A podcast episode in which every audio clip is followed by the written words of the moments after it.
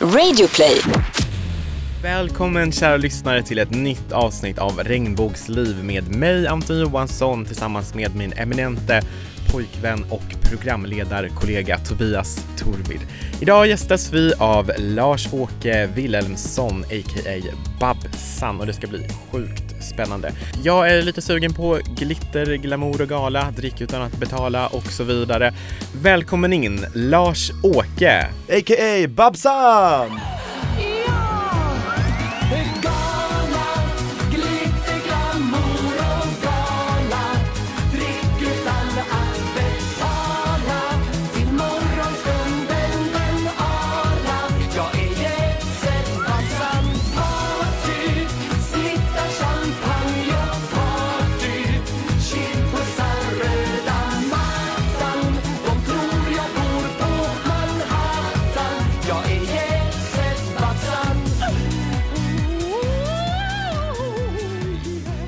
Välkommen Lars-Åke Wilhelmsson! Tack så jättemycket! Hur mår du idag? Jo, jag blir så glad av den där låten, den är så galen. Ja, så gala och Ja, galen. gala och galen. Det är betala, dricka utan att betala, det är gala. Det gillar du Anton? Ja, alltså, jag sa det precis innan vi körde igång inspelningen att eh, när jag jobbade på, inom, inom telekom tidigare och skulle vara konferencier för en gala eh, som vi hade då internt på företaget, då tänkte vi så här, vilken är den glammigaste och eh, galigaste låten som finns? Då valde vi att eh, in, träda in till Jetset Babsan. Framför Ja. 5000 Telia-människor. Ja, inte så riktigt så många, Nej, men kanske. ja, vi kan säga det.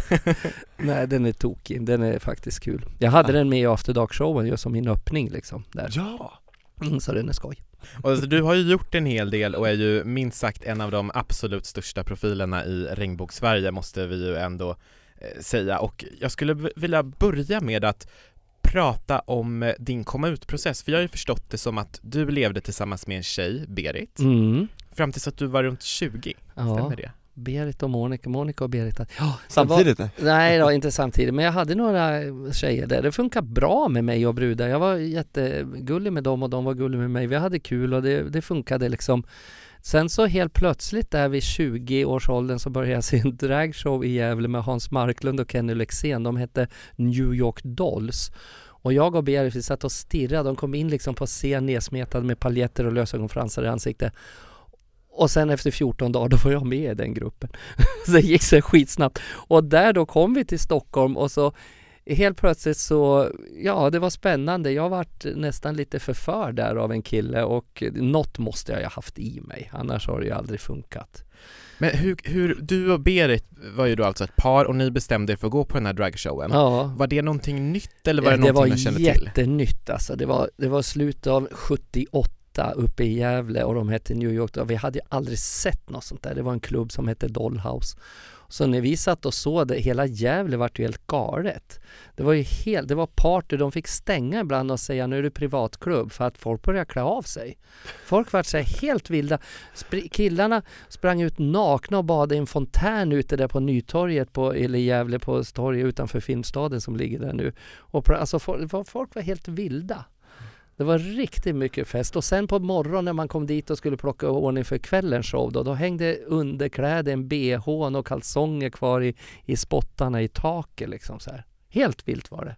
Var det publiken som klädde av sig Ja, också? publiken klädde av sig. För de skulle, för showen var så liksom li- lite halvsexig och vild så där så började publiken Men är inte det där lite typiskt att om man, om det är någonting som är liksom helt nytt, man vet kanske inte riktigt hur man ska förhålla sig till det och sen är man väl, var man väl kanske lite utsvulten på det här, eller? jag tror det. Och många kom ju ut där i Gävle också då under den tiden.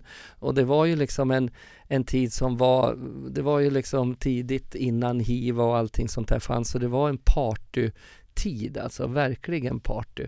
Och jag hängde på den och åkte till Stockholm och träffade också då där i Stockholm så fanns det ju då mer, om man säger gayställe. I Gävle var ju det här första klubben som var en liten blandning men det fanns ju gay som gick dit men det var ju inte så öppet då.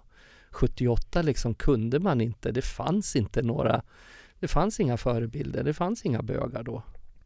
Faktiskt. Det är det som är så sjukt att när jag började, vi började precis liksom i en, i en tid när 79 började jag med Surprise Sisters sen då, Kenny Lexén och Hans.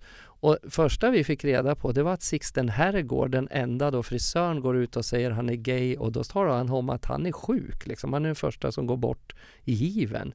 Så där ska vi börja jobba i någon sorts uppförsbacke med att ha show då när han är sjuk och kämpar i två år innan han får gå bort. Och, så det, det var ju liksom, det var inte så där jättelätt. Eh, det var, vi fick ju en, en stämpel att eh, vi var pestsmittad liksom sådär. Så det var ju inte alls som det är nu för sen så det var väldigt eh, mycket där i början av men vi började och körde på och vi gav oss inte och sen sen vart det ju tyvärr väldigt många utav vännerna som gick bort. Men vi kämpade på och körde, försökte köra glitter. Jonas Gardells fantastiska Torka aldrig tårar utan handskar är ju speglar ju liksom ett liv med klubbar där han gick. Vi hade ju mer glitter och glamour liksom på om man säger After Dark och så där var ju mycket mer showigt och glittrigt än de här kanske ställena som Jonas och så besökte mycket. Så du, delar inte riktigt den skildringen i den serien? Jo, mycket. Det fanns, men man ska tillägga att det fanns fler, fler, fler klubbar än de här och det hade väl lite med politik också att göra. Det var väl lite mer åt vänster. Alltså de här, vi, dragshowen var ju aldrig liksom i fin kultur på något vis. Det var ju det var det var ju någon sån här kitschkultur det då. Men det var ju påkostat och glittrigt. Men jag tror att Jonas pratar mer om att visa de här ställena som, som kanske inte hade direkt de här showerna direkt. Fattar, rena genuina bögklubbar kanske? Ja, exakt. Det var lite mer så. Ja. Men om vi tar, spårar tillbaks till 79 då där jag tror att det är ditt första framträdande med Surprise Sisters Ja Hur var det? Kan du bara ta oss igenom hela den, det måste vara jättespännande och nervöst och pirrigt och... De hade sett mig stått och mimat där i Gävle eh, på någon sån här företagsfest, Hans och Ken, och så sa honom ska vi ha. Och så frågade de mig och så tyckte de, jag var ju dansare på den tiden så jag sprattlade så de tvingade mig att stå still och hålla armarna efter kroppen för jag var så här bara, ah, jag fladdrade som en kråka. Så de, det, utmaningen för dem det var liksom ta ner mig, ta ner mina rörelser. Och jag minns jag var tvungen att gå in på scen och sitta med en röd klovnäsa och sjunga Känner du dig riktigt nedstämd? Lill-Babs sätt skaffa dig en näsa som är röd och bli en clown. Och sitta liksom i någon poncho med vit krage och bara för de tyckte mina ögon och sminka var så stora och så fantastiska. Så jag fick sitta, jag som var van att bara köra cha-cha-cha och fladdra med armarna skulle sitta och sjunga Skaffa dig en näsa som är röd och bli en clown. Va? Det var ju helt, alltså det var ju så svårt för mig. Så jag lag väl in någon kickbolltjänst när numret var slut och så sprang jag. Men det var, det var ju jätteroligt att vara med i en riktig show då, tyckte jag. Och det var ju det, jag hade två dansare också med och så var det Surprise Sisters då. Så det var en populär show. Vi fick ju faktiskt vara semestervikarie på AD där Christer och Lasse körde då. Roger Jönsson, Lasse Flinkman och Christer Lindar när de skulle ha semester. Ja, ah, det är som After Dark Ja, After Dark, det hette After Dark då och så fick vi köra sommaren 79, 80 tror jag, 79 där när de tog semester. Så du korsade Christer Lindarws vägar ganska tidigt där? Ja, det är tidigt och då var de nog lite rädda för det har varit lite eh, konkurrens där för vi, vi var lite, lite annorlunda än dem då. De hade ju kört det sedan 76 eller någonting. Så de tyckte de var först? Ja det var de. de var för, vi, var, vi var alltid lilla systrarna för vi hade inte den ekonomin liksom. Vi körde ju på, vi kom ju från landet. vi är från landet? Ja. Okej. Okay. Så att det var, nej men det var en upplevelse att få köra. Sen drog vi lite på turné och var ända uppe i Norrland också. I, vi var i Umeå bland annat på något ställe och körde och sådär. Oh, Och hur var mottagandet då? Helt sjukt. Folk, folk kom ju fram när vi stod och uppträdde och sjöng där så här och tittade på oss och liksom granskade oss. Gick liksom en meter ifrån oss och bara titta och... Är de verkligen kvinnor? Alltså, ja, de trodde... exakt. Ja. De trodde... Nej, det var, det var ju helt sjukt. För det var så nytt. Det fanns ju, du vet Pridefestivalerna, det, det var ju år innan de skulle börja och sådär. Och innan Jonas och Mark och Eva och Eva. Alltså det fanns ju ingen som, som hade kommit ut. Efter Sixten Herrgård dröjde det ju liksom typ tio år innan någon outade sig liksom. Och så så att det var, det var väldigt tufft på något vis där. När kom du ut? Jag kom ut där när jag var 20-21 då jag var lite bi ett tag ja, och fladdra och, och för det funkade liksom för mig med tjejer också så att jag var jag riktigt bestämde mig aldrig. Jag, bara, det, jag tog det liksom, jag, jag tittade på människan och vart kär i, i den människa som jag eller kär eller upphetsad då, eller vad man ska säga som, som tillfället gav. Så att ibland så var det någon tjej men sen, sen efter tror jag tre killar jag hade varit med så har jag bara sovit och så när vi var och jobbade i Genève med en tjej som hette Lilian Jonsson. Vi delade en dansartjej och så som, som vi sov. Vi bodde tre och en halv månader i Genève och sådär och då sov vi i dubbelsäng. Men det var inget sex då utan då var det Men sen och efter det så har det inte varit faktiskt någon mer tjej på hur länge som helst. Så nu är jag väl mer riktigt bög då, tror jag. Första gången du besökte en gayklubb då? När var det? Det var med, med Hans Marklund i Stockholm på gamla Damberg som hette After Dark då och där nere och jag höll på att få slag. Jag kom i en svart catsuit, en sån här liksom hel one piece i plysch på något vis och så puffärmar och breda manschetter på skjortan under.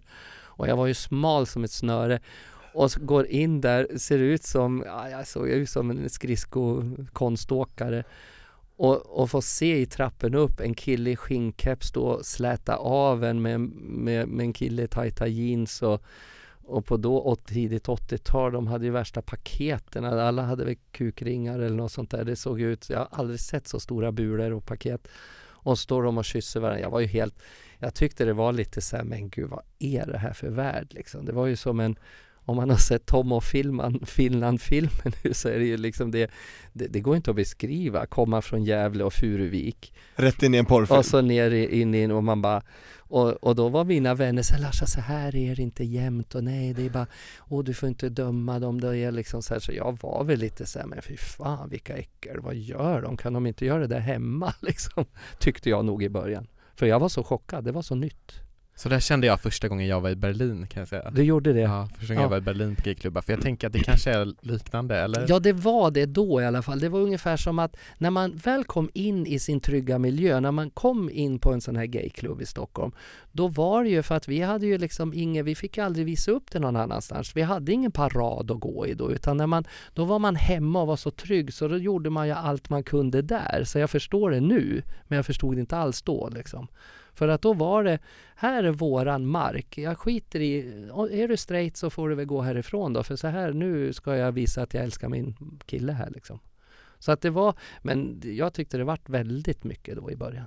Blev du en del av det till slut, eller hur lång tid tog det? Ja, jag stod nog, jag var aldrig den som, vi gick ju, på den tiden fanns ju darkrooms och sånt där i Sverige också, och bastuklubbar och sånt där. Det var ju innan Där det bara går på känsla så att ja, säga? Ja, mörkt och ångigt, det var ångbast och det luktade lite harrsurt, de duschade väl väggar och sköljde av all plast och emellanåt där.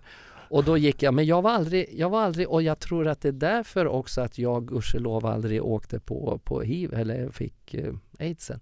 För jag, var, jag tyckte det var lite, jag, jag, jag tände inte på det. Och gå och bara känna på någon det räckte med att då var jag yngre. Då satt jag och tittade och så såg jag gubbar som är i min ålder och gå ut liksom. Och tänkte jag, är det dem jag ska stå och ta på? Då kan jag väl vara utan, tänkte jag. För ja, alltså jag, jag upplevde det så jag och det tror jag räddade många som inte riktigt tände på den där bastuklubbsgrejen. För där tyvärr så knullas det väldigt vilt på vissa ställen. oskyddat? Oskyddat också, tyvärr. Ja. Men hur skulle du beskriva då 80-talets uteliv för bögar och gayliv? Ja, att det var, alltså på klubbarna var det ju helt fantastiskt liksom. Det fanns ju en tid innan, innan det här då, jag var i Spanien när, det, när första skyltarna kring 84-86 tror jag man började se det i Europa ute på, då stod det Sida för, Sida tror jag, eller om det stod hiv Alltså det var något så här, och så börjar man läsa om någon konstig infektionssjukdom och sådär. Just det, sida är ju aids på spanska. Ja det är så det är. Annan ordning på det. Jaha, så är det ja. Okej, då fattar jag. Ja. Och då stod det det överallt att man skulle, det var kondomas, ja det, man skulle liksom skydda sig och och då när vi sen kom hem till Sverige, det var då det bör, man började upptäcka liksom så mycket fall här i Sverige också. Då. Och hur kände du då? Blev, du, blev ni panikslagna, vettskrämda eller vad, vad kände jag, ni? Jag började med att gå och testa mig direkt, för jag tänkte att det, och du vet, det tog det sån tid. Det tog liksom veckor och då fick man det ju per post, det var ju inte mail och sånt där som fanns då, utan man fick gå och vänta på ett kuvert.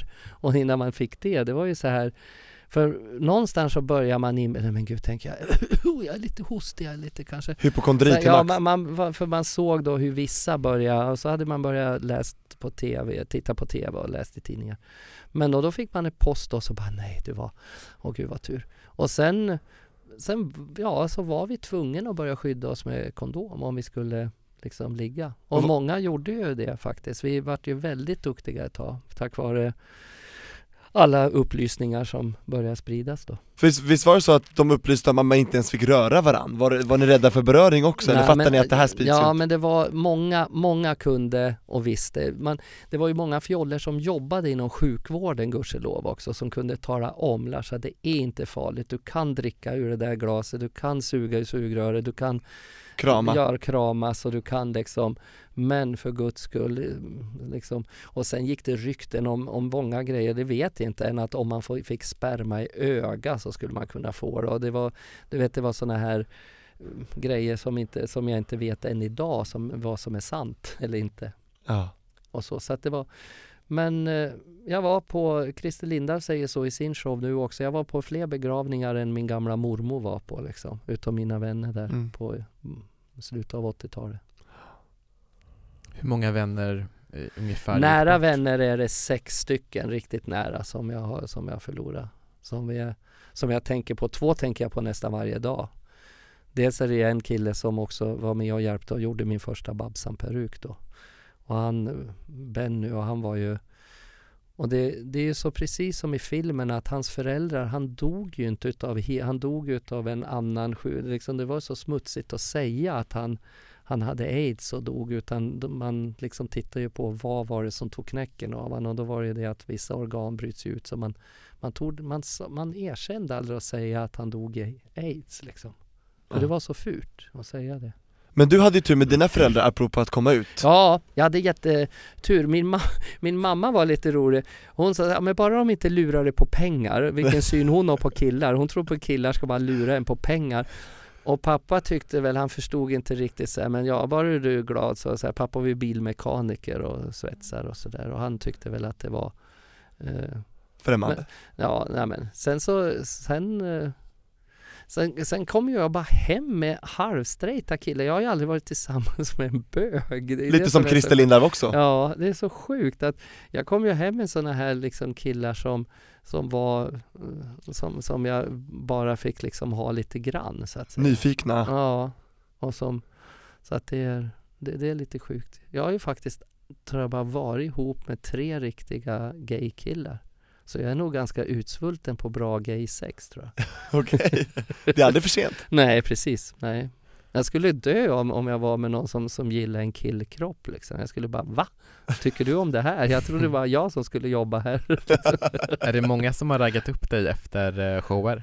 Ja, men det händer att de är mycket, mycket sådär när jag jobbade på Birka Paradise när alla var lite fulla och glada och åkte dit i gäng och så försökte de dejta upp till hytten lite ensam då efter. På en gangbang typ eller? Nej, men om de, om de åkte ett killgäng då så, där, och så var det någon som efteråt då kom och frågade om inte vilket hyttnummer man hade och stod och knackade och kom.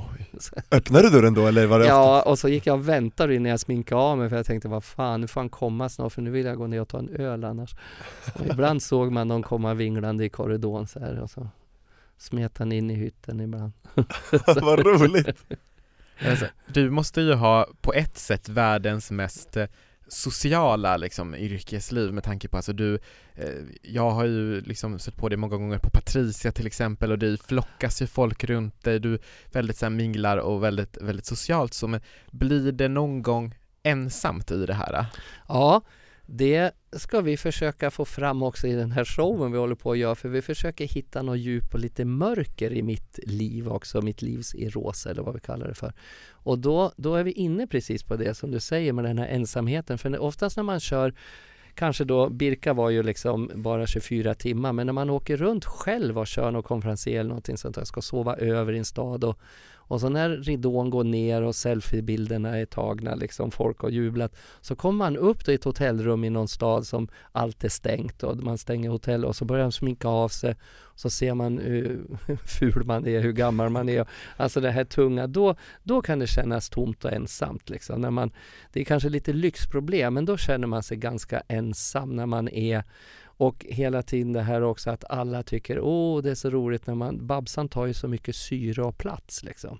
Så när man är sig själv då så är det lite som att jaha, hur kul var jag då liksom här när jag sitter ensam och då det är liksom och så är man lite trött efter showen så att man orkar ju inte fräscha till sig och gå ner och parta på när man har jobbat så sent fram till 11, halv 12 liksom. Så då är det oftast att man sätter sig där och finns knappt någon mat på de där hotellen man bor. Man får en macka i plast liksom och så. Det, då, då känns det inte så glamoröst. Och man kan inte gå på och dricka varje kväll vid tolvtiden heller liksom. Då skulle jag ju ha fastnat i det säkert. Jag tror många gör det. Ja, det gör man kanske i desperation och sådär. Men att då är det ju mycket roligare så när man jobbar kanske med en ensemble som After Dark och så är det massa dansare och massa andra drugor och man kan sitta ihop på hotellen och hotellrummet och ha kul efter då. Men just när man är ute och kör mycket ensamt så, så blir det tomt. Ja.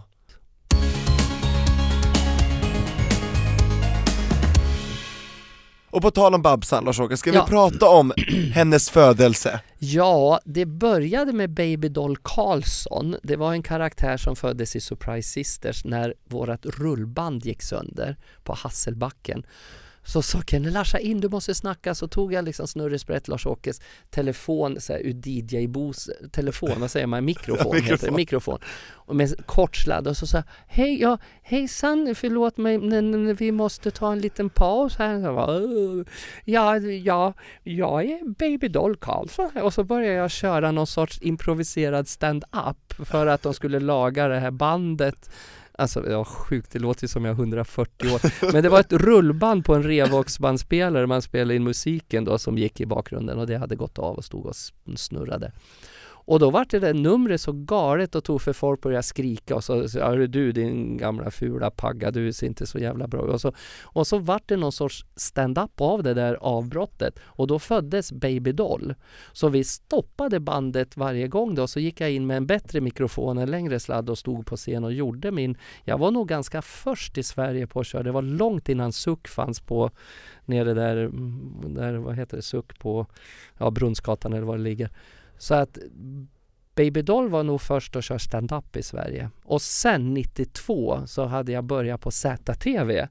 Och det var också så här lokalsänt i Göteborg, Stockholm och Malmö tror jag det bara gick på Nightflight Night Flight och TV4. Det var nog kopplat över sådär med Jesse Wallin, eh, vad heter han, Jesse och eh, Lång Anders S Nilsson och eh, Sven Hallberg.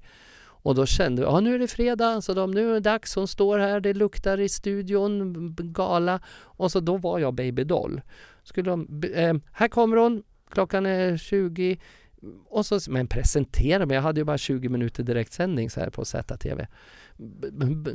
Babsan sa han. Babsan, heter jag Babsan också? Så det var ett hjärnsläpp egentligen. De missade säga Baby Doll, så Babsan föddes ur en ur en hjärnblödning strängt taget. Och du tog det direkt då? Ja, Hej Babsan här! Och då hade jag börjat titta på Dame Edna som gick på SVT. Brittiska? En, brittiska, den här galna gubben som hade lila i hår och så här. Så på en vecka så gjorde vi om Baby Doll till en rosa tant, fast jag gjorde den inte med glasögon.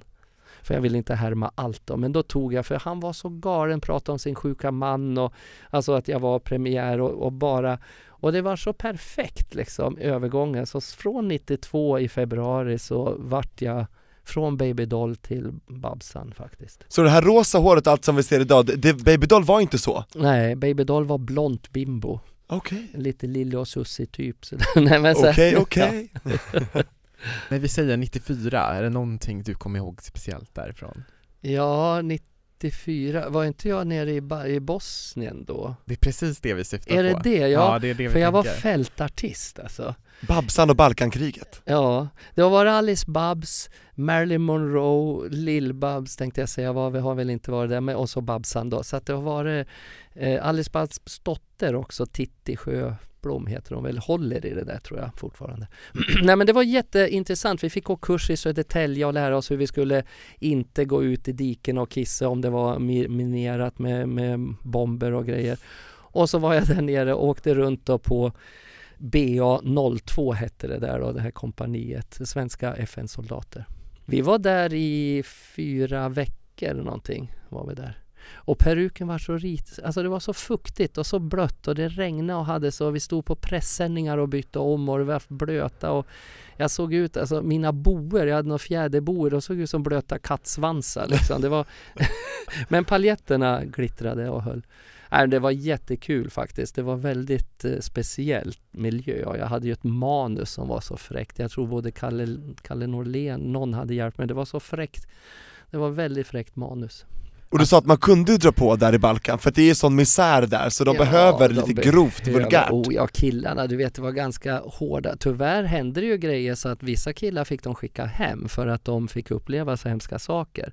Så att de var ganska hårda och härdade så att säga. Men vi körde på och Babsan gick hem. Jag hade sytt upp lite kamouflagefärgade dräkter och, och, och hade och sådär. Och kallt var det på nätterna. Vi såg, jag såg det var en orkester med också. Jag kommer ihåg att jag fick ligga sked med en jättesöt basist för att värma varann. Men det var inget, inget så att vi hade täcke emellan oss men vi låg skeden för att värma varann. Ja, vad mysigt det ja, låter. det var jättemysigt. Tack. Och på tal om det och tältet, ska du berätta om en liten rolig grej som hände i de här tälten? Ja, det var ju inte i tälten tror jag om du tänker på, utan det var ju någon sån där pissoarvagn där man är en toavagn på djur som man drar omkring. Om du tänker på det så var jag, hade jag en liten intim händelse där med en, en soldat. Som verkligen var sugen? Ja, som var jättesugen. För de får inte så mycket där kanske? Nej, och sen fick jag höra att det, det var diskussioner om det där och så, så att, och så skulle vi inte få liksom ha, då vart jag skitsned. Alltså ungefär som att det inte skulle finnas något gay, att det skulle inte få vara sexuellt umgänge mellan män då, men det hade ju vi redan haft. Visserligen var jag i, i drag, jag hade ju Babsan-grejerna på mig fortfarande. Det var ju efterfester på varenda ställe vi var, killarna söp ju skallen utav sig när de var lediga där nere. Det var ju inget annat de kunde göra och ligga och liksom vänta på att något skulle hända. Ja. Så det var ju riktigt festligt men, men jag hade väl inte sådär varje dag men det var en händelse som jag minns mycket väl som jag tyckte var jättetrevlig. Det kanske var lite sunkigt att stå på en sån där toalett. Du vet en, pissru, en pissränna och sen var det tre små bås med sitt toer. Och i det innersta båset där stod jag uppe på golvlisten. Får inte bli Bö framåtböjd eller? framåtböjd och höll i toastol. Ja, det var väl ungefär så. Och så hade det du han bakom dig? Det var trångt i alla ja. fall, det minns jag. Det var, var intimt, intimt och trångt var det. Ja.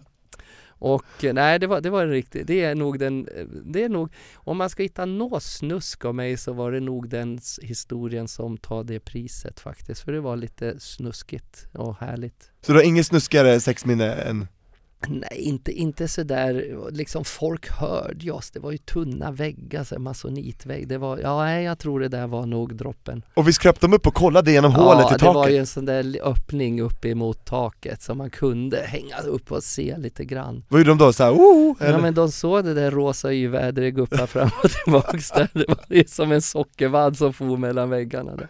Men du ångrar ingenting? Det var skönt? Ja, det var jättetrevligt. Det var ja. mysigt. Men eh, jo, jag tror att han, han det var liksom, jag tror han varit lite hjälte sen där att han hade fixat förfört Babsan tror jag. Mer sex till folket tycker jag. Absolut! Kör ja. på bara. Från en sak till en annan Lars-Åke. Nu ska du ut på turné. Ja, det är så roligt.